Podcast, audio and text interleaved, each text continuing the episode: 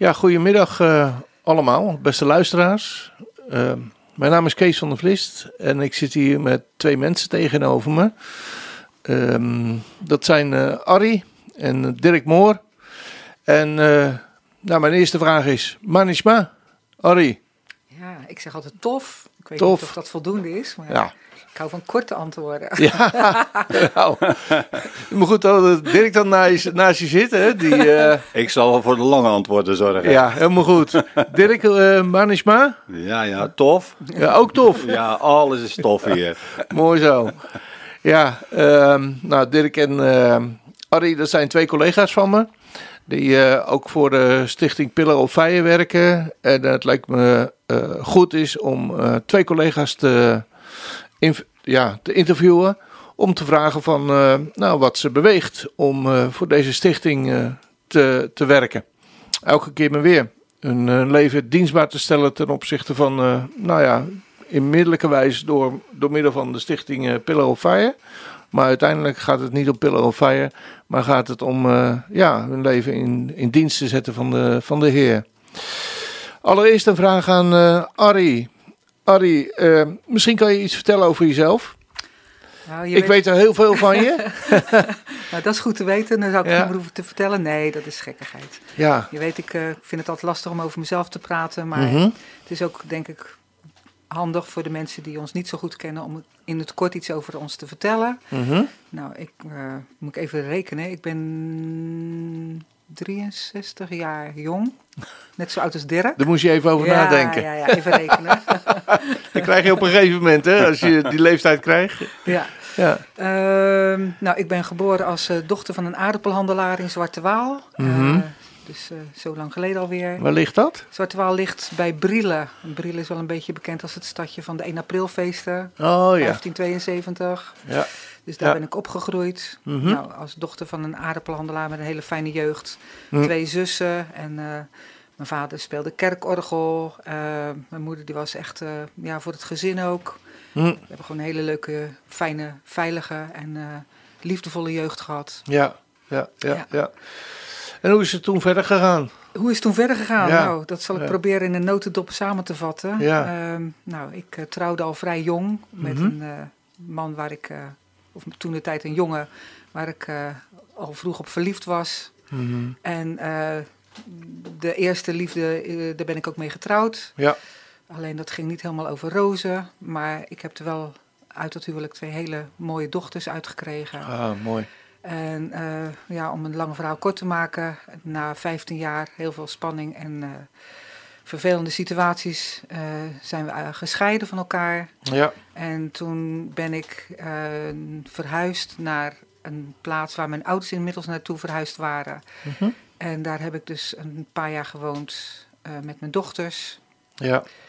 En toen heb ik een nieuwe relatie gevonden en dat gaf niet genoeg vruchten.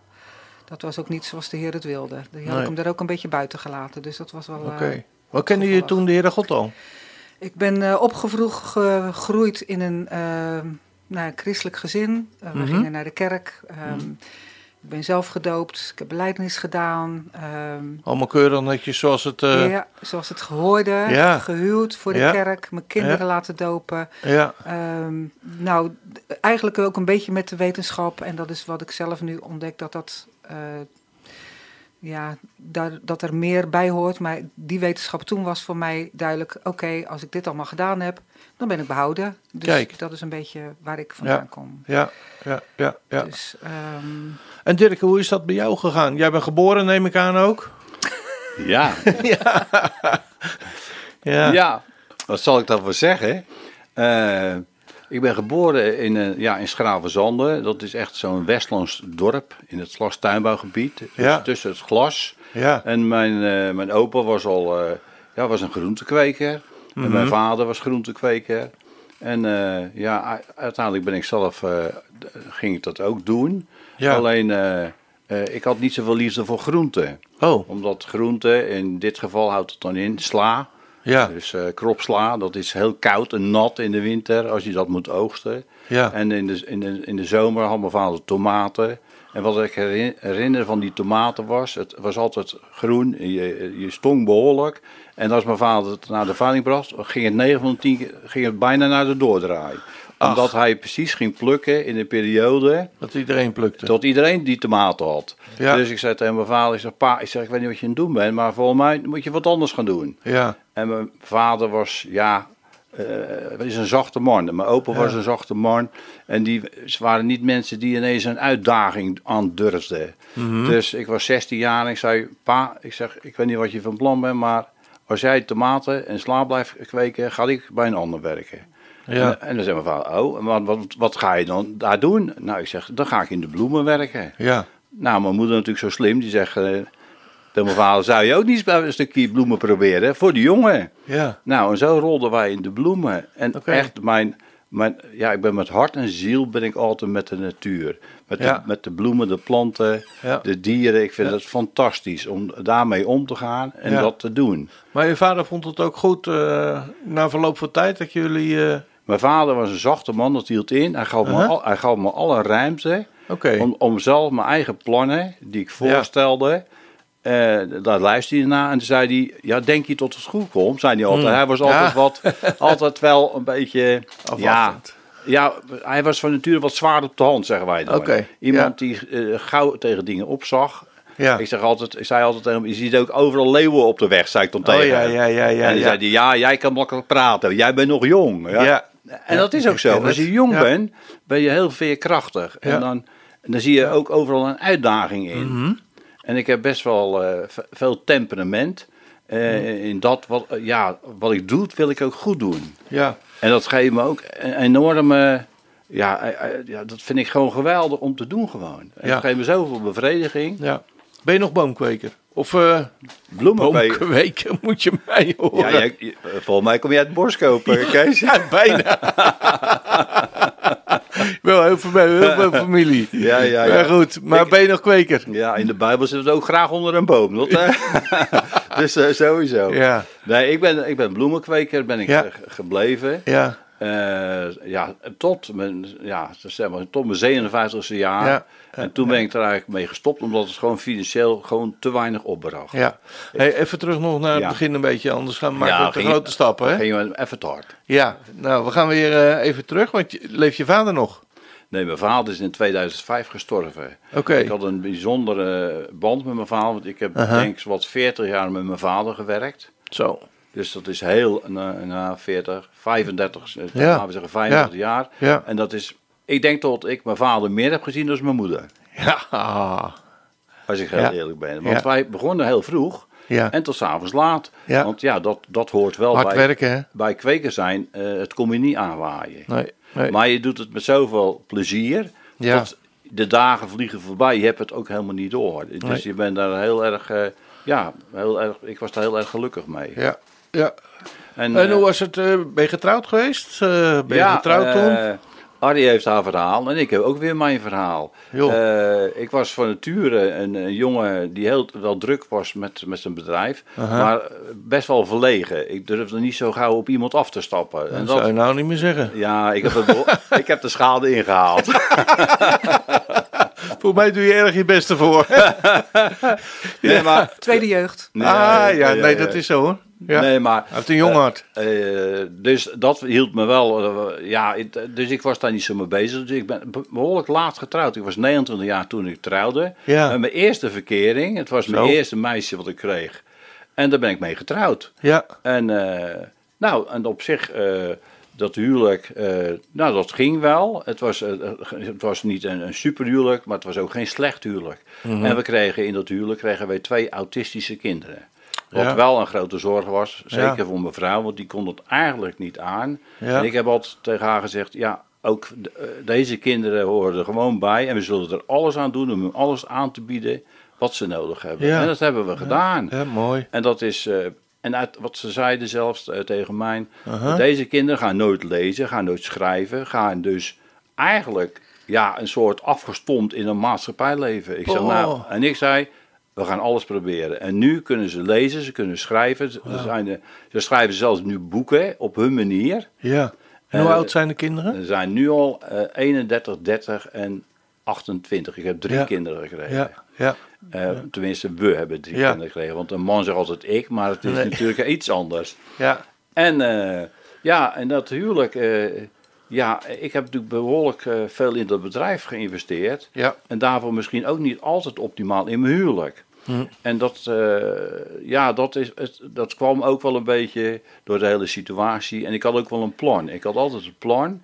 Ik wil wel op tijd stoppen met dat bedrijf. En dan wil mhm. ik echt dingen gaan doen ja, meer voor het koninkrijk. Ja. Dat heb ik altijd al gehad. Ja, we maken even een, uh, een grotere stap. Hè? Ja. Uh, want jullie, jullie zitten hier met z'n tweeën.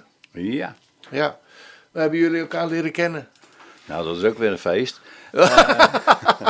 nou, ik zal een klein voorloopje eraan maken. Ik was dus uh, inmiddels uh, gescheiden en daarna een tweede relatie gekregen die dus ook geen vrucht droeg. Ja. Uh, nou, toen was mijn situatie zo van, oké, ik had in die voor, voortijd heb ik toch nog wel, ging ik naar de kerk. Mm -hmm. Maar toen met die tweede relatie, toen ben ik echt, nou, ik zag dat niet meer zo als een invulling in mijn leven om een relatie met God te zoeken überhaupt. Ik wist niet eens wat het was. Ik geloofde wel. En ik heb het daarna dus ook altijd, of ook in die periode altijd wel besef van... God heeft mij niet losgelaten, ook al heb ik hem geen aandacht en geen liefde gegeven. Mhm. Maar goed, toen was die tweede relatie ook voorbij. En toen had ik zoiets van, oké okay, Ar, daar sta je dan. Nu heb je niks meer. Ik moest werken voor mijn inkomen. Ik had het financieel helemaal niet breed. Daardoor mhm. moest ik... Uh, had ik ook weinig tijd voor mijn kinderen. Hebben mijn ouders heel veel daarin geholpen. Uh, maar toen zei iemand ook van ja, maar je moet ook een beetje onder de mensen blijven. Je moet ook leuke dingen doen. Ik zei ja, mhm. maar hoe? Ik kan uh, niks betalen. Alimentatie kreeg ik ook niet. Moest ik allemaal zelf voor mijn inkomen zorgen. Ja. En toen zei iemand van joh, ik weet wel wat leuks voor jou. Ja. Er uh, is hier in de buurt een alfa-cursus. En dat scheelt je al één avond eten koken, want het is met eten erbij. Ah, ik denk, oh, dat lijkt me wel wat. ja, ja, dat eten of die overcursus? Ja, nee, dat eten Dat zat er wel bij. Die gezelligheid. Ja. En uh, toen dacht ik van, ja, wat heb ik te verliezen? Ja. Dus toen ben ik daar naartoe gegaan. En uh, nou, dat is de, ja, een van de beste stappen van mijn... Uh, Voor je van leven die tijd zeker geweest. Ja. en dan mooi. vind je de weg terug naar God. Daar heb ik dan ook ja, dat zal heel veel mensen al bekend in de oren klinken.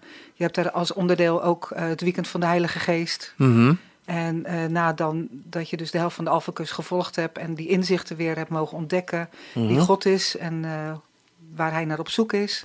Ja. En toen met het weekend van de Heilige Geest heb ik daar echt bewust Gods geest in mijn hart gevoeld en de, ja.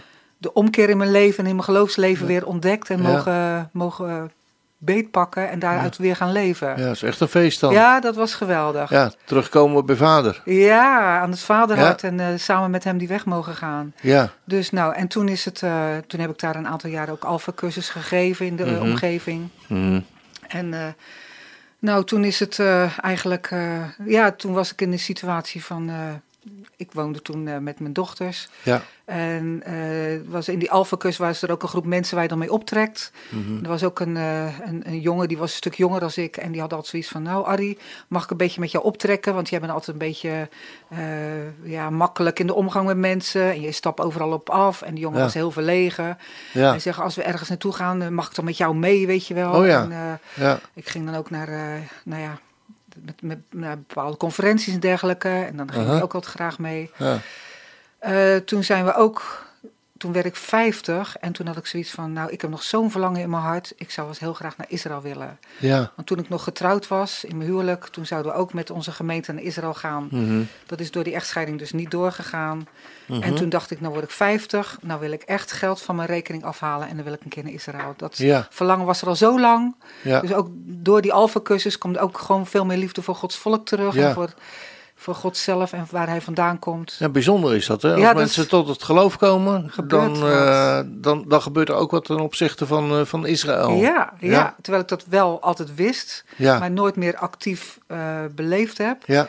Dus toen ben ik naar een, met een groep ook van die alfa-cursus, onder andere wat mensen en andere mensen naar Israël gegaan. Mhm. En toen kwam ik. Nou, toen, er zit nog een stukje voor. Die jongen die ehm, had aan mij gevraagd van... joh, ik zou zo graag eens ook... Het was een vrijgezelle jongen. Ik zou ook zo graag eens een relatie willen, maar ik ben te verlegen. En ja, hoe moet dat dan? En ik ben Mhm. altijd heel erg oplossingengericht. Ja. Dus een vriendin van mij, die had zelf iets ontdekt. Die was ook gescheiden. Ze zegt, Mhm. joh Ar, eh, moet je niet eens op zo'n datingsite? Ja. Nou, ik zeg zo'n dating site. Ik zeg dat is niks voor mij. Ik had wel door die Alpha cursus ook volledig het vertrouwen. God gaat me daarin helpen. Ja. Ook als het gaat om een relatie met God, weet je ook dat je dingen los moet laten en dat je hem ook de gelegenheid moet geven om jou te helpen daarin. Mm Dus uh, ik was er niet zo mee bezig. Maar omdat de jongen dus ook zocht naar een relatie, toen zei ik van joh, waarom ga je niet op zo'n christelijke dating site?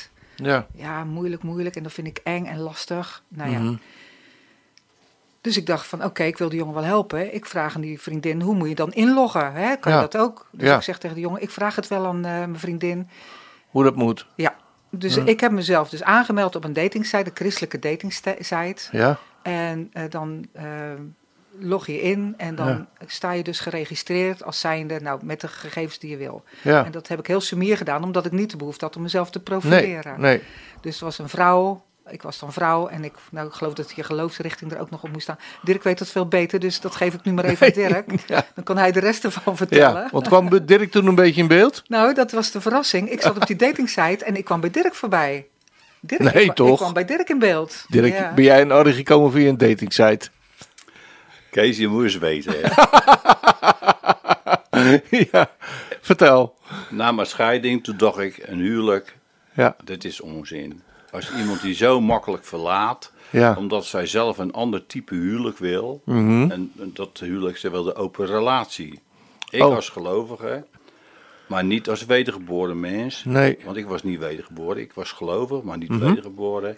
Ik zeg, dat, dat, hier kan ik niet mee omgaan. Mhm. En daarvoor ben ik gescheiden. Het, het, het kon niet anders. Nee. En toen zei ik tegen God, ik zeg, ik weet niet wat de bedoeling is met mijn leven. Maar dit is, dit is helemaal uit de hand gelopen. Dit is niet zoals het hoort. Maar als u me een vrouw zou willen geven, geef me dan een vrouw in geloof. Mm. En anders niet. Dan blijf ik liever alleen. Maar ja, je bent natuurlijk ook man. Dus je gaat denken, ja, wat is nu de bedoeling? Dus ik denk, ik ga op zo'n datingsite om eerst eens te leren omgaan met vrouwen. Want ik ben met één vrouw getrouwd. Ik weet helemaal niet hoe ze denken, wat ze voelen, hoe ze ervaren. En door die datingsite kwam ik in gesprek met vrouwen die naar allerlei geloofsrichtingen gingen.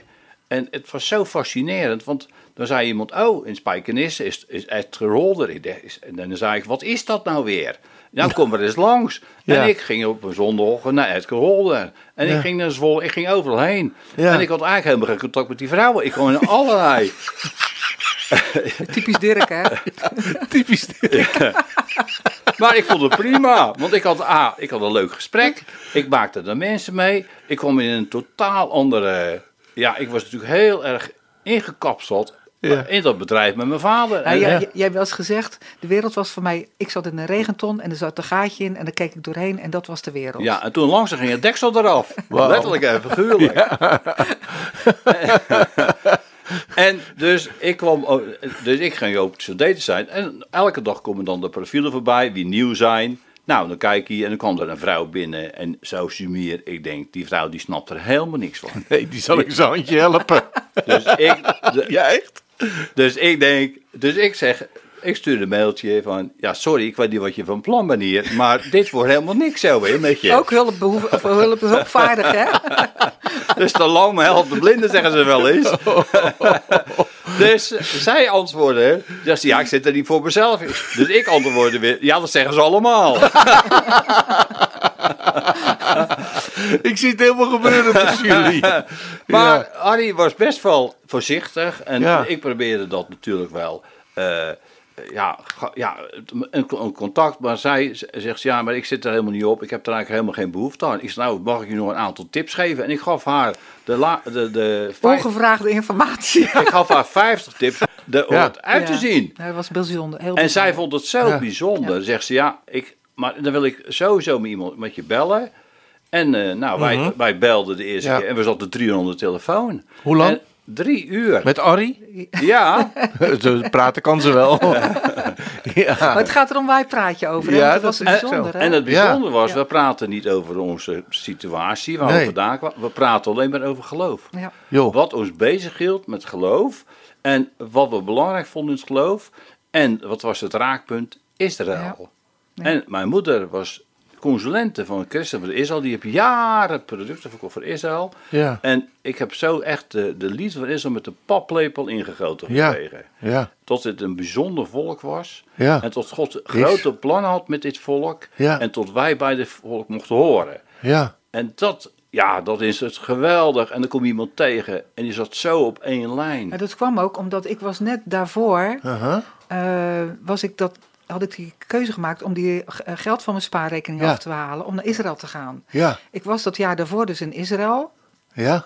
Toen heb ik gebeden, heer mag ik nog eens terugkomen met iemand waar ik mijn leven mee mag delen. Dat was bij Engedi, onder de waterval. Ik weet wat het is. Ja. Menig één Heb je, er ook, heb je er ook gestaan, Kees, onder die waterwal? ja, maar ik had al een vrouw.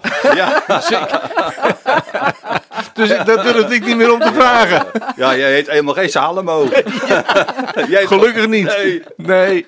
Dus toen heb ik daar gebeden. En echt, Kees, ik was daar in oktober. Het jaar later, in september, heb ik contact met Dirk gekregen. Zo'n God hebben wij, hè? Wonderbaarlijk. Dus wij konden samen dus ook over Israël praten, over die reis die ik gemaakt had. Geweldig. En toen zei Dirk, oh, dit zou ik ook zo graag willen. Ja, ja. toen is het... Nou... Ik, ik ken iets, iets, iets, iets, uh, iets soortgelijks. Je kent mijn vrouw, Anja, die is uh, eh, 25 jaar ziek geweest. En ik ging uh, alleen naar Israël toe.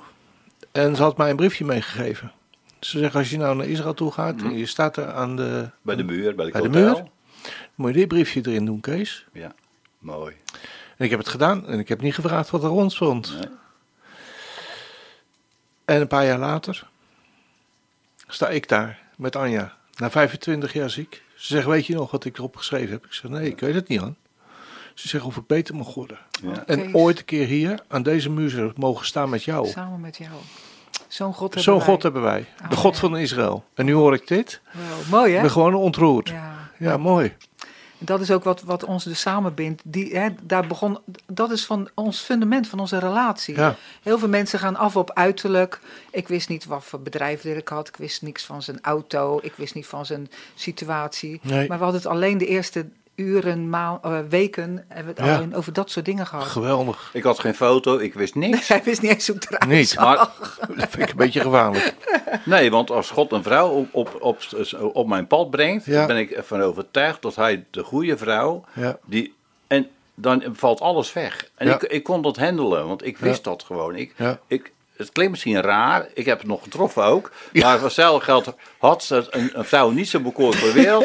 en dan hadden we elkaar toch genomen. Ja. Want ik wist, God geeft me de vrouw die bij mijn post. Ja. Ja, je had haar niet genomen, je had haar gekregen. Gekregen, ja. ja. Dan misschien ja. Iets, uh, nee, nee, nee, helemaal niet. Maar het, het was ook wel uh, bijzonder, want door die gesprekken mm zei ze: Ja, ik vind het zo fantastisch, maar ik wil een keer met je eten. Maar ik, maar ik durfde het niet, want ik dacht: Ja, maar stel, ja. Hè, dan kom je bij elkaar en een van de twee die denkt misschien wat anders. Ik denk: Ja, ik heb wel mijn geloof, maar dat is toch wel. Als, dat, dit, door, als dit weg zou gaan, zou ik het verschrikkelijk vinden. Dit contact was mij zo dierbaar. En het ging zo diep. En na drie maanden zei Arie, ja, maar nu moet er maar eens van komen. En we hebben dat gedaan. En vanaf de, nou, we kwamen elkaar tegen en het was ik pakte haar hand en we liepen direct. Nou, we gingen ergens. Naar het altaar. Naar Scheeldeweide. Maar het was voor mij. Nee, ik heb geloof na twee weken. ja. ging ik ringen van haar kopen. Ja, ja, ja. ja, Ik zei, Arie, we gaan nu. Bijzonder. We liepen. Ik zeg, we, langs jullie we gaan nu ringen kopen. Ze zei, ringen kopen. Ja. Ik zei, ja. Ik zei, voor mij is het klaar. Ja. Ik, ik, ik weet wat ik wil. En, en, en ik vroeg niet aan haar, wat zij ervan vond. Nee, maar ik, ik zei geen nee in ieder geval. Nee, dat blijkt Dus dat was wel heel bijzonder hoe onze start was. Ja. En uh, nou ja, dat duurde wel iets. Uh, vooral wij, uh, wij wilden eigenlijk direct trouwen, maar dat kon niet. Hm. Omdat wij nog met de afwitting zaten van, ons, van mijn vorige huwelijk. Ja. Dan moet, bij een bedrijf duurt dat soms twee jaar. Ja. Voor al die, al die dingen eromheen. Ja. En ik wilde niet tot zij zou mee uh, schrijven, want eh, de bank eist dan tot ze meetekent voor de hypotheek. Ja. Ik zeg, jij gaat niet meetekenen, dit is mijn verleden, dit moet ik oplossen. En, dus daar hebben we gewacht. En toen zijn we 4, 4 uh, augustus 2010 zijn wij getrouwd. En uh, eh, 13 november hebben we het, ons huwelijk laten inzegenen in een kapel. Ja. Gewoon maar buiten de kerk. We hadden de kerk hadden we toen losgelaten. Oei. Omdat ja, omdat we uit de traditionele kerk allebei kwamen. Ja, ja. Wij, wij ervaren... maar jullie hadden wel alle twee een, het, ja, het levende geloof. Ja. Ja. Toen, we, toen we elkaar leren kennen, zijn we namelijk, uh, we noemen dat een rondje Westlandse kerken gaan doen. Ja. Aha. En in die zoektocht, ik kwam natuurlijk, uh, nou inmiddels was ik dus, uh, toen ik Dirk leerde kennen, had ik zoiets van, ja, nu wil ik dus integreren in het Westland. Hoe ga ik dat doen? En ja. Dirk zegt, joh, mijn ex-vrouw heeft ook nooit uh, voor inkomen hoeven te zorgen. Ja. Het, ik vind het belangrijk dat je iets doet waar je hart ligt. Je hebt altijd moeten werken. Dat je iets vindt waar je je liefde in kwijt kan, waar je toe geroepen voelt, waar God je toe bepaalt. Nou, toen ben ik eerst bij wat, twee keer bij een christelijke boekwinkel gaan werken. -hmm. Daar heb ik als vrijwilliger gewerkt. Uh, vanuit die positie heb ik contact opgenomen ook met de Alpha-cursus in het Westland. Mm En omdat ik daar zelf, toen ik de Alpha-cursus in de Hoekse Waard, waar ik toen de eerste keer kwam, uh, de Alpha-cursus gedaan had, toen heb ik daar ook een paar jaar met het team mee gedraaid. Ja. En toen ben ik in het uh, Westland ook Alpha-cursussen gaan meedraaien, ja. meegeven. Ja. Ja. En, en, en op die manier leerde je dus heel veel mensen kennen. En ik ben toen ook coördinator geworden van het Westland voor alfa-cursussen op te zetten. Dus ik heb een flink wat of aantal cursussen opgezet. Ja, ja mooi. Maar dan, dan kom je dus bij mensen in hun geloofsplaats, uh, zal ik maar zeggen. En die mensen vragen, oh, kom eens een keertje bij ons in de kerk. En, oh, en, en dus ik denk een stuk of zeven plaatsen in het Westland, waar dan alfa-cursus was geweest, waar wij die gegeven hadden, gingen we ook daar eens naar de kerk. Hm. En dan gingen we, hè, dan nodigden die mensen ook al uit, dan kennen we die mensen. En hadden we contact met de mensen. Maar dan leer je ook eigenlijk van, wat, hè, wat voor geloofsleven delen de mensen hier? Uh, welke leer hangen ze aan, uh, plat gezegd. Ja.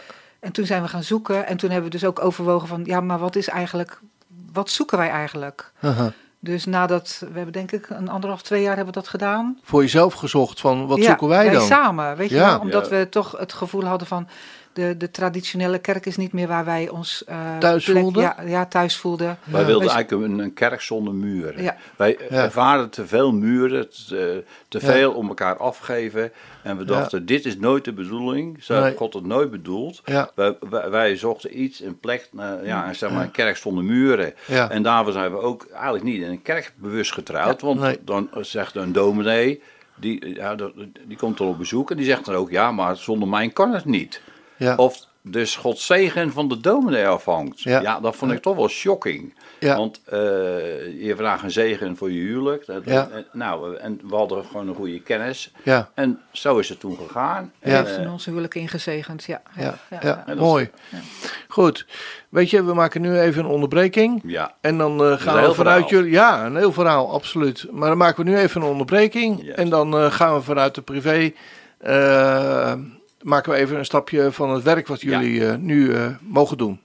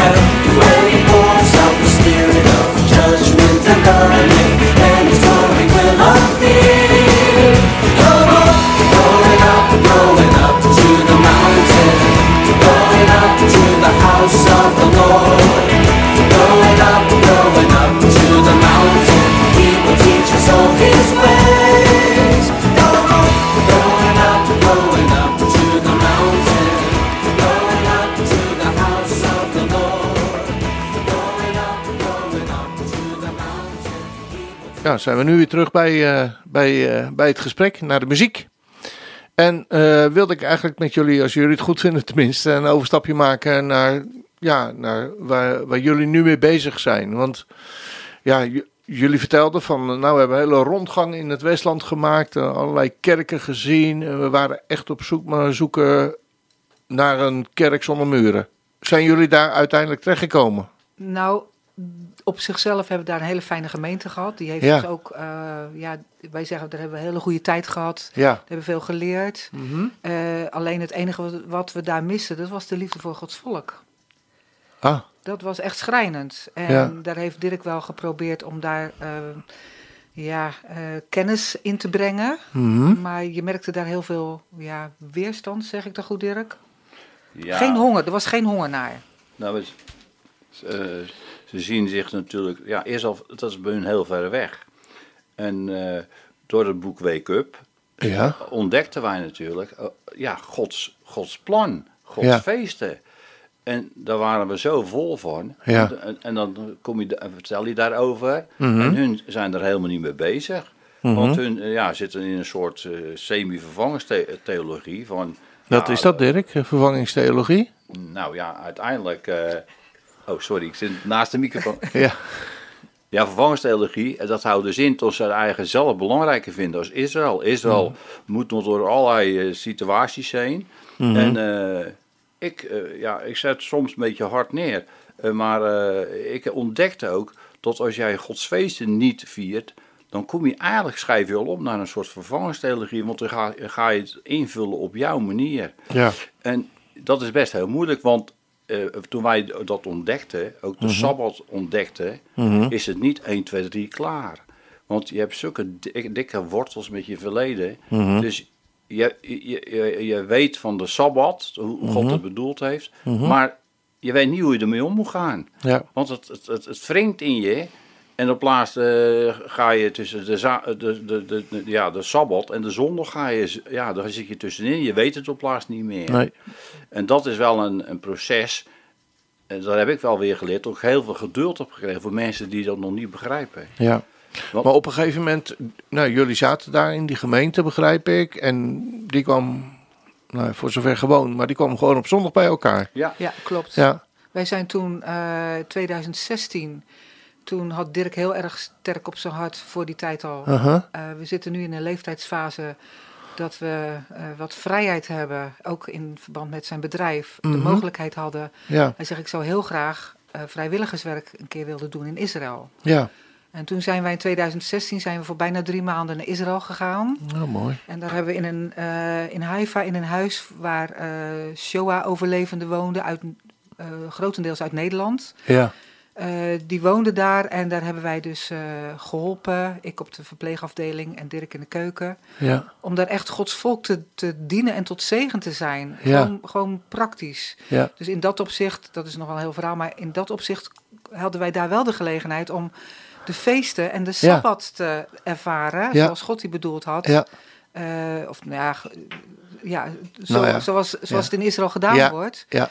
Waardoor wij dus ook die, uh, makkelijker dat uh, uh, eigen konden worden. Ja, snap ik. En daarna zijn we er thuis dus mee verder gegaan. Ja, en wat betekent dat, thuis, dat jullie er thuis mee verder gegaan zijn, Dirk? Nou, dan ga je dus, op, op, je gaat echt er naartoe werken om ja, dus op vrijdagmiddag al eigenlijk je middags al zo te gaan inrichten tot je je eigen inricht richting rust. Dus je doet je boodschappen, je doet je ding en je probeert eh, dus als, eh, als de avond valt, om uh, dan de, de, de sabbatmaaltijd te gaan, gaan vieren. En het bijzondere is, we zitten gewoon twee, drie uur aan tafel. Dat is heel gewoon, terwijl als je in mijn verleden zit ik 15 minuten aan tafel. En het gaf me zoveel rust en zoveel hm. vrede.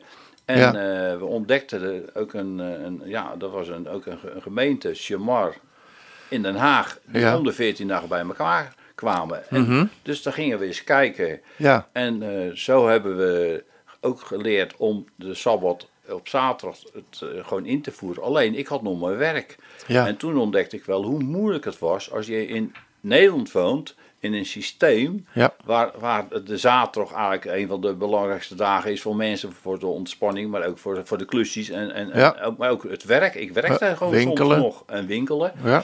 En uh, ik werkte bij een kweker en, uh, en die kweker die eiste ook gewoon tot ik op zaterdag kwam helpen. Ja. En dat, ja, dat ging steeds meer wringen in me. En toen heb ik God echt gebeden van, ja, maar ik wil u, ik wil u volgen. Ik wil graag op mhm. Sabbat wil ik bij de gemeente zijn en mhm. echt de rust ervaren. Ja. En het bijzondere is, uh, wij hadden, waren op bezoek bij iemand en ik, ik, ik, ik, vertelde gewoon hoe wij dat nou deden. En uh, mijn moeite. En toen zei hij, joh, hij zei, maar je hebt zoveel moeite met die, met, met die, met die zaterdag tot je moet werken. Maar ik heb de oplossing. Ja. En ik zei, de oplossing? Hij zei, ja. Hij zei, ik ga verhuizen, mijn baan komt vrij. En mhm. die baan is, die is altijd op, vrij, op zaterdag, heb je altijd vrij. Dus ja. Ik zei, nou ja, dat is misschien wel leuk en aardig. Maar ik zeg, ga eerst maar aan je baas vragen of die mij wel wil hebben. Ja. En uh, andere week kwam hij. Hij zei, joh, gaan we voor gesprek. En uh, nou, ik ging erheen en het was klaar. Ik kon daar kon, uh, gaan werken. Ja. En daardoor hoefde ik dus niet meer ja. op de, het Sabbat uh, te werken. En het bijzondere was, ik kon ook mijn, de feesten vrij vragen. Ja. Dus, en dat was natuurlijk ook weer een nieuwe stap. De feesten, want hoe doe je dat? Hoe gaat dat? Want ik kan me nog herinneren, we gewoon met de feesten... Het was gewoon Yom Kippur, stond ik in, hier in de hal stond ik een vrachtwaterlaai. Dus... ja. En daar wil ik mee aangeven tot heel veel mensen die denken even snel schakelen. Nee. Maar dat is niet zo. Nee, je moet uh, gewoon ook mensen de tijd voor geven om te leren dat proces rustig aan te gaan. Ja, en zo zijn jullie eigenlijk bij, uh, bij gemeente Chamar terechtgekomen. Ja, en inderdaad, in het begin uh, zaten we nog beneden in het pand. De mensen die mhm. dat weten, hadden we hier in het begin mhm. hadden we natuurlijk hele pand ter beschikking. Ja. Toen hadden, hadden we de loods waar dus uh, Israel Relief Aid de spullen ook opsloegen. Mm Israel Relief Aid? Ja. Dat Wat is, dat? Er is een organisatie die heet, als ik het goed verwoord, HRIF. Dat is Human Resource International Foundation. Uh -huh. Die zit in Weesp. Ja. En zij hebben een tak en dat is dan Israel Relief Aid. Dus een tak, dat, nou, die organisatie die uh, is zo... Um, Ehm, gesteld dat uh, zij hebben heel veel contact met grote organisaties die goederen over hebben, ja? uh, kleding die uit de mode is, ja? uh, voedsel wat niet meer in de Winkels reclame, ja precies, of niet meer in de reclamefolder staat en oh, dergelijke. Oh, partijen die over zijn, restanten. En die, die organisatie heeft dus zelf al die spullen gekregen om te verschepen naar. Uh, Dirk, wat zijn er allemaal voor uh, bij, bij ramp, natuurrampen? Ja, ja. Dus, mensen waar, waar, die, die, die, die spullen nodig hebben. Ja, over heel de wereld. Ja, over de hele over wereld. De wereld. Ja. ja. En, en één, de, één deel daarvan is dan relief, Israël Relief Aid, waar die spullen naartoe gestuurd worden naar Israël. Ja, specifiek ook voor de mensen die daar veel mensen die alia maken komen dus met lege handen in Israël. Sowieso is er heel veel armoede in Israël. En deze organisatie die in Weesp zit, die had toen ook dus een depot hier onder het pand. Maar goed, jij, jij zit niet bij, uh, nou ja, ben niet zozeer gelieerd aan, uh, voor de, in, binnen de stichting Pillar of Fire, aan Israël Relief Aid, maar aan gemeente Shamar. Ja, klopt. En, uh, maar hoe ben jij daar terechtgekomen? Toen wij hier dus uh, in het begin één keer in de. Nee, een, ja, dat was één keer in twee weken. Toen waren de samenkomsten hier beneden. Toen ja. kwamen wij dus in de gemeente. Ja. En dan gingen we de andere week gingen we op zondag naar onze eigen gemeente. Die hadden we toen ook nog. Ah. Dat zie je dus bij gemeentes Shamar nog heel veel. Dat mensen een eigen gemeente hebben. En op Shabbat Eén keer nog een beetje op twee gedachten. Ja, precies. Dat hebben we in het begin. Ja. Ja. Maar dat hebben wij ook gedaan. Dat hebben wij denk ik twee jaar gedaan. Ja, ja. Dus echt, uh, maar dat is die zoektocht waardoor dus, waar dit proces gewoon bij hoort. Dus zo hebben wij dat ervaren. Ja. En nadat, ik dus een, uh, nadat wij dus samen hier dus uh, heel veel ja, de dienst hebben bijgewoond en ook meegemaakt hebben wat de organisatie Pillar of Fire ook daarnaast nog deed. Mm toen kwam iemand van de gemeente Chamar, die dus ook bij ons in het Westland woont. En die zei van, joh Arie, ehm, jij hebt geen baan begreep ik heb jij misschien tijd om bij ons op kantoor wat ondersteunend werk te doen? Oké. Ik zeg, oh, dat vind ik wel heel gaaf. Dus toen ben ik oh. ging, uh, op een gesprek geweest. Ja. En toen uh, vertelde dus Jack van, joh, de organisatie van de gemeente en de nieuwsbrief en uh, alles wat om de dienst hangt, dat zou wel heel fijn zijn als ik dat over kan dragen aan iemand die dat graag wil doen. Ja. En zo ben ik er een beetje ingegroeid. En toen ben ik begonnen met, nou ja, in principe twee dagen in de week dat ik dus op kantoor help met alles wat om gemeente Chamar gebeurt. Ja. En, de andere, en heel veel andere dingen daaromheen. nog, is mijn ervaring ja, tenminste. Precies. Ja, en, en, ik ben echt. Uh, ja, ik, had, ik, ik ging naar. We waren op, op, op zo'n Sabbats-bijeenkomst. en dan zei ik tegen. Ja, ik, ik zeg, ik wil ook wel wat doen in die hal. En ja. Jack zei, ja, maar ja, je kan altijd helpen met, met laden en bepaalde activiteiten. Ja. En uh, de ochtend uh, uh, toch wel hadden afgesproken om de eerste keer tot ik gewoon eens even ja, alles zou bekijken en hoe het allemaal functioneert in de hal. En er zou een nieuwe loosmanager zou ook die ochtend zou dus starten en ik zou dus met hem mee gaan lopen. Ja. En uh, het bijzondere was die ochtend, die man is gekomen en Paul heette die en die man die, die kreeg een attack, een hersen... Infarct. Die ochtend.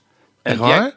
Eh, ja, dus ik, was, ik kwam aan en, en, die man was net weggebracht uh, naar het ziekenhuis. Jo. En ik was net in die hal voor het eerst. Ja. En het, het, leek net of het zo had moeten zijn. Het klinkt misschien raar wat ik zeg, maar tot God al direct weer een ander had klaarstaan wow. om het over te nemen. En ik ging toen al draaien om uh, met vrachtwagens uh, te laden en, en, en, spullen. Wat voor spullen werden er dan gebracht? Nou, toen, uh, toen ik net kwam stonden er heel veel matrassen. Stonden er nog, ik geloof maar, van de 5000 stonden er geloof nog 3000 matrassen. Maar, maar waarvoor, waarvoor kwamen die? Ook voor Israël geliefheid? Nou, voor... er zijn, je hebt hotelketens die moeten ja? van hun matras af en dan worden ja. er nieuwe geleverd. En ja. dan was er een deal Anders wordt het allemaal natuurlijk vernietigd. Ja. Nou, en zo werden die matrassen, die gebruikte Max weer om in zijn... Max? Ja, de Max Veenstra van HREF, dat hij inwees, dat is Max Veenstra, dat Ah. is de man. En, Ja, uh, die Van Israël geliefheid. Ja, die organiseert Ja. het allemaal. Ja. En eh, hij eh, probeert, als hij een container naar, eh, bijvoorbeeld naar de Oekraïne stuurt, Ja. doet hij niet alleen matrassen. Dan doet hij bijvoorbeeld Ja. eh, eh, 30 matrassen, maar dan doet hij ook al- allerlei andere goederen, van incontinentiemateriaal. Voedsel was in die tijd nog niet zo, eh, dat had Nee. je nog niet. Dat is nu de laatste tijd door de... Veel de- ja, maar dat, daarvoor was het. Maar ook bijvoorbeeld, er kwam er bijvoorbeeld een, een lading kledingbenen eh, Ja. uit, eh, uit Engeland. Ja. Mhm. We hadden een bejaardenhuis, hadden die kleding, hadden ze verzameld, gesorteerd en Wauw. prachtig verpakt. En dan kwam hier binnen. Joh. Toen dacht ik, wat is er aan de hand? Ja. En toen ontstond ook wel een beetje bij jongens van, zouden wij ook niet wat moeten gaan doen met kleding? Ah. Maar dat was toch altijd nog, ja, omdat ik... Het, het kwam eigenlijk zo, toen wij die loods Uh-huh. beneden hadden, toen hadden Uh-huh. wij een, een afdeling Ja. eh, van, ehm Dirk weet het nou, uh, Nachamoe. Nachamoe. Ah, En er Ja. kwamen heel veel mensen hier uit de omgeving, die kwamen altijd een zakje kleding brengen of een Ja. paar zakken. Ja. En dat werd hier in een hoek, eh, in een, eh, in een ruimte neergezet. neergezet. En dan belde ik dan inmiddels op kantoor één keer in Mhm. zoveel tijd van, joh, kunnen jullie het komen halen? Ja, Maar toen hebben wij dus, later in het proces, hebben we dus die benedenverdieping helemaal af moeten stoten. ja, Dat we dat niet meer mochten, konden gebruiken, konden Ja. we niet meer huren. ja. En toen is dus, eh, kwam Jack eigenlijk met het feit van ja, nou hebben we ook geen ruimte meer om die kleding voor Nachamoe te Ja. gaan inzamelen. Dus we gaan stoppen daarmee. Ja. Juist. En toen Ja. kwam jij. Hij wilde ermee stoppen, omdat hij, eh, A, eh, er, was, er was geen ruimte in het gebouw. We Mhm. hadden maar een, een, een hal met een bovenverdieping. En eh, Jack zat ook niet te wachten op al de rompslomp, want dat geeft best wel wat rompslomp. Ja, En, eh, maar ik ervaarde gewoon in mijn geest van, dit, dit kunnen we niet laten lopen. Nachemoe, Mhm. die, eh, ja, die kon het allemaal ook niet, al- eh, wat we eventueel hadden, ook niet aanpakken.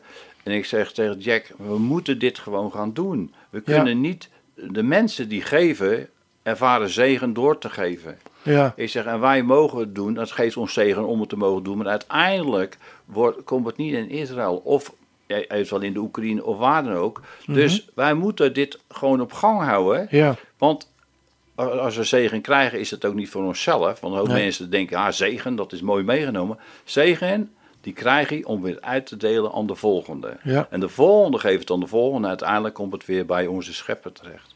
Dat is de bedoeling van zegen. Het is een cirkel van zegen.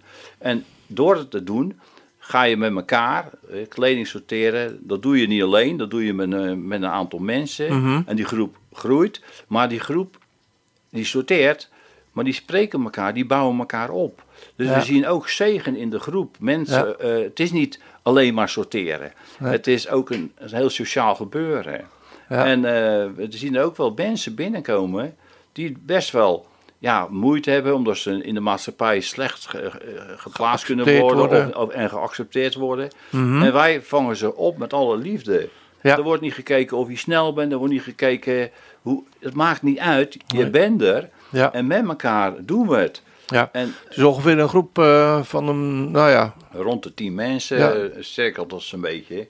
Ja. Het is wel zo, je merkt wel, mensen beginnen vol enthousiasme, ja. maar dat echt volhouden, maar dat zien we natuurlijk op allerlei terreinen. Ja. Het is natuurlijk wel, maar dat maakt ook niet uit. Ze hebben dan die periode meegedraaid, ze hebben de dingen ervaren en er komen weer nieuwe mensen. Ja. En het is, ja. het is wonderbaarlijk hoe alles gaat en hoe, hoe het allemaal loopt. Ja, jullie doen echt heel veel hè, voor, uh, nou ja, laten we het maar in de breedte noemen, het Koninkrijk van God. Ja. Hè, dat, dat, uh, um, jullie zijn er bijna, tenminste zoals ik dat, ik loop nu twee jaar mee bijna in dit, uh, in dit illustere gezelschap van uh, Pillar op Vijen. Maar ja, het verbaast mij hoeveel, hoeveel tijd jullie als, als stel eraan, eraan besteden. En veelal is het ook gewoon helemaal achter de schermen. Maar het was zo mooi, Kees. Als je niet meer voor de wereld hoeft te werken om, mhm. om uh, voor je inkomen te gaan om het te verdienen, mhm. mag je dus nu wat je hebt, mag je tot zegen zijn. Ja. En dat is, dat is nog een kleine toevoeging. Dirk had natuurlijk een bedrijf waar hij zich volledig aan moest toewijden. Ja. En dat ging financieel zo slecht. Dus op een gegeven moment hebben we ook voor de keuze gestaan: moeten we het dan gaan verkopen? En mhm. uiteindelijk heeft God daar een huurder op gevonden. Waardoor Dirk dus nu zichzelf kan verhuren werkt hij 20 uur in de week en de rest van de tijd mag hij vrijwilligerswerk doen. Ja. En dat is voor mij ook. Het is zo'n zegen om dat vrijwilligerswerk te mogen doen. Ja. Dat is veel dankbaarder dan elke week te moeten en dan mhm. presteren op het niveau van de, wat de wereld van je verwacht. Ja, maar het is niet alleen maar leuk. Nou ja, we maken er maar wat leuks van elke ja, keer. Ja, dat, dat is ook zo. Maar ja, je krijgt toch ook met tegenwerking te maken. Hè? Want als je, als, je in, ja, als, je, als je op de tuin van God werkt, dan groeien daar niet alleen maar uh, hele mooie bloempjes in, toch? Nee. Dirk? Ook, wel eens een, een cactus, hè? Ja. ja, ja, Je komt ook, je komt ook onkruid tegen. Ja. Ja, ja. Maar ik, ik, las eens een keer een boek van een hele grote psychiater in Israël. En die had zelf had hij in, in de kampen gezeten. Ja, uh, tijdens de Tweede Wereldoorlog. Ja. En uh, wat uh, hij vertelde, als je iets voor een ander. Hij zag de mensen die stierven en de mensen die overleefden. En het viel hem op. De mensen die juist wat voor een ander konden betekenen, die overleefden het. En de mensen die uiteindelijk alleen maar met zichzelf bezig waren. En ja. ik ga dit niet uh, zomaar, want het is natuurlijk heftig wat daar gebeurde. Enorm. Maar hij zag wel tot mensen die eigenlijk dingen deelden en wat voor een ander, die overleefden het. En de mensen die heel erg op hun eigen, op hun zichzelf bezig waren, mm-hmm. die mensen die overleefden het gewoon niet. Ja. En dat is toch ook wel een, leven, ja, een leerles van, ja, als je wat kan betekenen, het geeft zoveel vreugde in je leven. Mm we leven natuurlijk in een super egocentrische maatschappij. Ja. En ja, en ik ervaar elke keer als ik dan naar Wees mag rijden met een, met een bus vol met spullen en met een aanhanger, dan, dan zeggen mensen, ja mooi direct. Ja, nee, als ik daar bij die hal en ik heb alles eruit gezet. Ja. En ik zie Max gezicht en hij, uh, ik weet wat er weer uh, gaat gebeuren. Want uh, soms gaan er twee containers vol met materiaal gaat er weg. Ja, per, per, per, een, gewoon per, per week. week. Gemiddeld gaan er twee containers weg. En dan is het. Zo. Dus het is echt, hij draait gewoon 100 containers, 100, ja, ik geloof dit jaar zijn er weer meer. Ja, maar hoe wordt dat dan gefinancierd, Dirk? Ja, dat is voor mij nog steeds een wonder. Ja, ja. Kijk, alles wat hij krijgt is gratis. Ja. Dus dat, dat is niet... Maar een container verschepen naar Israël of naar een ander gebied, dat... dat nou, uh... container naar Israël is het duurste, want dan moet je denken, uh, ik geloof 7 tot 9000 euro. Ja. En, maar Europa en ook zelfs tot Noord-Irak worden gereden met vrachtwagens, maar dan is het met een vrachtwagen. En dat is natuurlijk veel goedkoper met transport. Maar Max heeft grote sponsors uit de verzekeringswereld, soms uh, uit de bankwereld. Ja. Uh, gewoon, uh, er komen wel eens mensen ook op bezoek en die hebben een gesprek en die geven een grote donatie. En dan kan hij weer veel doen. Ja. Hij zegt zelf ook, ik weet soms ook genezen hoe het is. Mm -hmm. Want hij leeft eigenlijk helemaal niet met een bankrekening in zijn hoofd. Hij, hij doet het gewoon. Ja. Ja, ja. En hij laat het gewoon gebeuren. Maar goed, er komen ook heel veel tenminste, de, voor zover ik tot nu toe begrepen heb, ook heel veel particuliere giften binnen. Van mensen die, eh, die weten van het werk van Israël Relief Aid. Die gewoon hart voor Israël hebben. En daar gewoon elke maand, of niet elke maand, maar periodiek of niet periodiek geld aan geven. Ja. Nou ja, ja. Het, het, dan, het is natuurlijk, de, de ene heeft de financiële mogelijkheden, de ander doet het met zijn handen. Ja. Het, het is ook niet zo dat we allemaal hier met de 100 man in die hal moeten gaan sorteren. Dat is, ieder doet zijn ding in het koninkrijk. Ja. En dit is, Pillarfy is natuurlijk echt zo'n organisatie, die heeft zoveel poten eronder. En dat is het mooie van deze organisatie. Het is niet, het is niet, niet, niet statisch. Het is, het, is, het, is, het, is, ja, het is net elastiek. Het gaat alle kanten op. En dat is zo mooi. Ja. En dat ik denk ook dat dat de bedoeling is. Ja. En iedereen vult zijn taak in. Ja. Het is ook mooi hè, dat je dit, dit werk ook echt mag doen voor, uh, ja, voor, voor Gods volk. Hè. Heel concreet, heel praktisch. Je bent een heel concreet en praktische vent. Ja, dat is ook dus natuurlijk... pas ik een beetje wat je past. Ja, natuurlijk. Uh, als, je, als, als kweker moet je heel praktisch zijn. En dan, dan, dan, heb je niks aan loze woorden. Dan moet er gewoon aangepakt worden. Ja. En het, is niet, het is niet Dirk Moor. Het is, het is, het, het, is een heel team van mensen. Ik heb Alex erbij gekregen. Nou, ik ga maar weglopen. Dat maakt helemaal niks uit. En er zijn, je ziet gewoon mensen nemen allemaal hun deel. En André, die, die, dan zeg ik, ga je mee? En dan zit André weer naast me in de auto. En dan hebben we gewoon weer een gesprek van, van twee, drie uur. Want je rijdt ergens heen. En je praat weer over de dingen die je bezighoudt. Dus het is dat is ook het mooie. Het is niet werken. Je bent, je bent ook met elkaar in gesprek continu. Ja.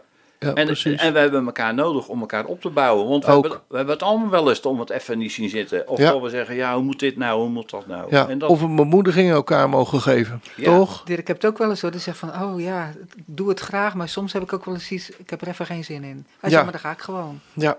Ja, maar dat komt omdat je, een hart, dat je hart erbij betrokken is. Ja, ja, ja. ja, En uh, wat is jouw dagelijkse werk? Een beetje dan voor gemeente Chamar, Harry? Ja, ja, ja. Koffie drinken. Ja. nou, volgens mij is die, is die Jack van der Tang helemaal niks zonder Harry. Ja, echt niet. nou, ik, toen, toen ik hier kwam... Ik hoop dat hij luistert. ja toen ik hier kwam, toen uh, hadden we al gauw door van uh, Jack wil, of Jack is gewend om alle bordjes draaiende te houden. Ja. En dat is aan de ene kant zijn kracht, aan de andere kant zijn zwakte. Ja. En dat, uh, nou ja, dan help je hem daar inzicht in te krijgen dat het ook anders kan. En daar, nou, uiteindelijk is dat ook in zijn wil ook, dat wel. Maar daar heb je wel zijn hulp bij nodig. Ja. Dus toen heb ik het ene stapje voor stapje steeds aangeboden van... joh, jij doet dit nou, maar dat kunnen wij of ik dan in dit geval toch ook. Ja. En zo uh, kom je op een gegeven moment in de situatie dat hij zegt van... Uh, hey, afgelopen jaren, dus vorig jaar niet, maar daarvoor ging hij heel vaak naar het buitenland toe mhm, ook. Mhm. En toen zei hij ook van nou, ik kan gewoon weg zonder dat ik daar problemen over ondervind. Ja. Dingen, het wordt gewoon geregeld, het gaat allemaal goed. Ja. Dus de samenkomst wordt geregeld, het eten eromheen wordt geregeld. De mensen worden uitgenodigd, de... De livestream wordt georganiseerd, kinderwerk wordt georganiseerd. Noem maar op, sprekers worden geregeld, alles gaat door. Maar dat komt omdat hij dat zachtjes aan steeds makkelijker hebt kunnen loslaten. Ja, ja, ja. Ervaren jullie nu um, dat je echt, dat je echt ja, uh, voor het werk voor de Heer bezig bent? Het is zo ontzettend contrast ten opzichte wat ik altijd heb moeten doen. Dat je mhm. in de wereld moest werken. Mm En nu mag je en het is een, een, een, sfeer, ook op kantoor, met collega's, met de mensen om je heen, die zo zalvend is. Die, mhm. die uh, ook al heb je wel eens moeite met iemand of heb je wel eens uh, irritaties. Je, je, je probeert alles te doen via Gods Torah, zal ik maar zeggen. Zo mm vanuit, maar ook van wie Hij is. Om die liefde ook weer uit te stralen naar elkaar. Ja. En als je dat in de wereld doet, ik ben er niet altijd blij mee geweest hoe dat opgevangen werd. Want nee. dan ben je gauw uh, raar aangekeken of het was overdreven of mm ze kijken een beetje min op je neer. Maar hier mag je met elkaar, mag je gewoon wie Jezus, wie Yeshua is, mag je laten zien aan elkaar. Ja. En dat is zo heerlijk, want er, daar word je gewoon blij van. Ja, dus je wordt eigenlijk niet uitbetaald in, uh, nou ja, laten we maar zeggen euro's. Maar in nature, in liefde van je, die Jezus, die Yeshua aan ons geeft. Ja. En die we wel aan elkaar mogen geven. Kijk, als voorbeeld, wij krijgen bijvoorbeeld, uh, ja, wij hadden bijvoorbeeld een, eh, in onze vorige gemeente hadden we een man. En deze man die, uh, die werd ziek en die kwam op zijn sterfbed en die vroeg aan ons mm -hmm. of we nog eens een keer langs wilden komen. En we zijn een week voordat hij stierf zijn we langs geweest. Mhm. En we hebben met hem gebeden. en een van zijn pijnpunten was, hij had een dochter. Mm En zijn dochter had het geloof eigenlijk een beetje losgelaten, aan de kant gezet. En dat mhm. was voor hem heel moeilijk, omdat uh, ja, om, ja, hij, hij moest gaan. En hij, hij, hij denkt, ja, we moeten van die dochter terechtkomen. Ja. Nou, en, en misschien een half jaar later uh, zijn we ontsorteren met een aantal dames. En een van die dames neemt een, een andere vrouw mee. En die vrouw die, die komt helpen en, ja. Eh, en, en, sorteren. En die zegt, ja, ik ben een beetje allergisch. Ik denk, nou, dat wordt natuurlijk niks. Want met stof en dit en dat. Maar laat maar gewoon proberen. Ja. En, uh, nou, en, en, en, maar de andere week was ze er weer en ze werd trouw. En het bijzondere was, het bleek de dochter van die man te zijn. Ah, en, onvoorstelbaar. En dus hoe zijn Gods wegen? En wij, door de gesprekken, want thuis we praten over alles nog wat. En we laten elkaar we geven elkaar heel veel ruimte. Dus heel veel respect, ook voor de meningen en voor de gevoeligheden. Ja. En zij ervaren dit als zo'n warm bad. En tot ze gewoon werd geaccepteerd en gewoon erbij mocht horen. Omdat ze ook, ja, ze was toch wel door haar vorige werk, was ze wel een beetje toch aan de kant gezet, Ardi? Ja, dat is een ander verhaal. Dat is wel. Uh, ja, dat, ja. Maar het was, het was meer haar zoektocht. Zij was natuurlijk ook omdat ze uh, het geloof niets meer actief beleefde, was ze toch na het overlijden van haar vader ook wel weer op zoek gegaan. Ja. Na gaan denken. Ja. Toen is ze ook in een andere gemeente even geweest. Daar voelde ze toch op een gegeven moment dat ze daar uitgroeide, omdat ze toch al een, een, een, sterker geloofsleven bleek te hebben gehad en dat ze zelf nog ervaarde. Ja. En toen kwam ze bij ons met helpen van sorteren. En daar hoorden ze zoveel andere dingen. En ook over de feesten, over de Shabbat. En over de dingen die uh, jullie ook met elkaar deelden, dat ze zo nieuwsgierig en hongerig werd. En zich zo gerespecteerd en gewaardeerd voelde. Ja. En inmiddels is ze dus nu aangesloten bij onze gemeente. Kijk, en mooi. Ze is helemaal opgebloeid. Het is gewoon, een, het is eigenlijk een andere vrouw geworden, als ik heel eerlijk ben. Als ik zie hoe ze binnenkwam, hoe een beetje schuchter en teruggetrokken. En nu, het is gewoon een, een vrouw die helemaal opbloeit. En dan denk je, ja, wat, wat een vrucht mogen wij daar ook weer door ervaren. Ja, ja precies. En zo, ja, dan mag je ervaren dat, uh, dat God zegent in je werk. Hè? En dat hij zijn wonderen doet. En uh, nou, daar hebben jullie van mogen getuigen. Hè? Uh, alle twee. Je hebt, je, het leven wat je geleefd hebt in de afgelopen jaren, dat had je nooit zelf kunnen bedenken. Nee. dat heeft, uh, heeft de Heere God mogen doen. Ja. En een van de Joodse spreekwoorden is: als je één mens gered hebt, heb je de hele wereld gered. Oké. Ja, dat is een mooi, ik vind het een mooi spreekuit. en dan weet, kunnen wij geen mensen redden, maar we mogen wel een instrument zijn in, uh, in Gods hand. Zeker. En dat, uh, nou, daar, ik denk dat dat ook een mooie uitsluiting is voor, uh, voor dit programma. Nou. nou. ik wens jullie heel veel sterkte toe in het, in het werk wat jullie mogen doen. En wat mij betreft hoop ik en mogen we bidden dat, dat jullie dan nog heel lang mogen doen in, uh, in hele goede gezondheid. Ik wil je in ieder geval heel erg bedanken voor uh, ja, het deelnemen aan dit programma. Fijn. Oké. Okay. Dankjewel. Dankjewel, Kees. Dag, Kees.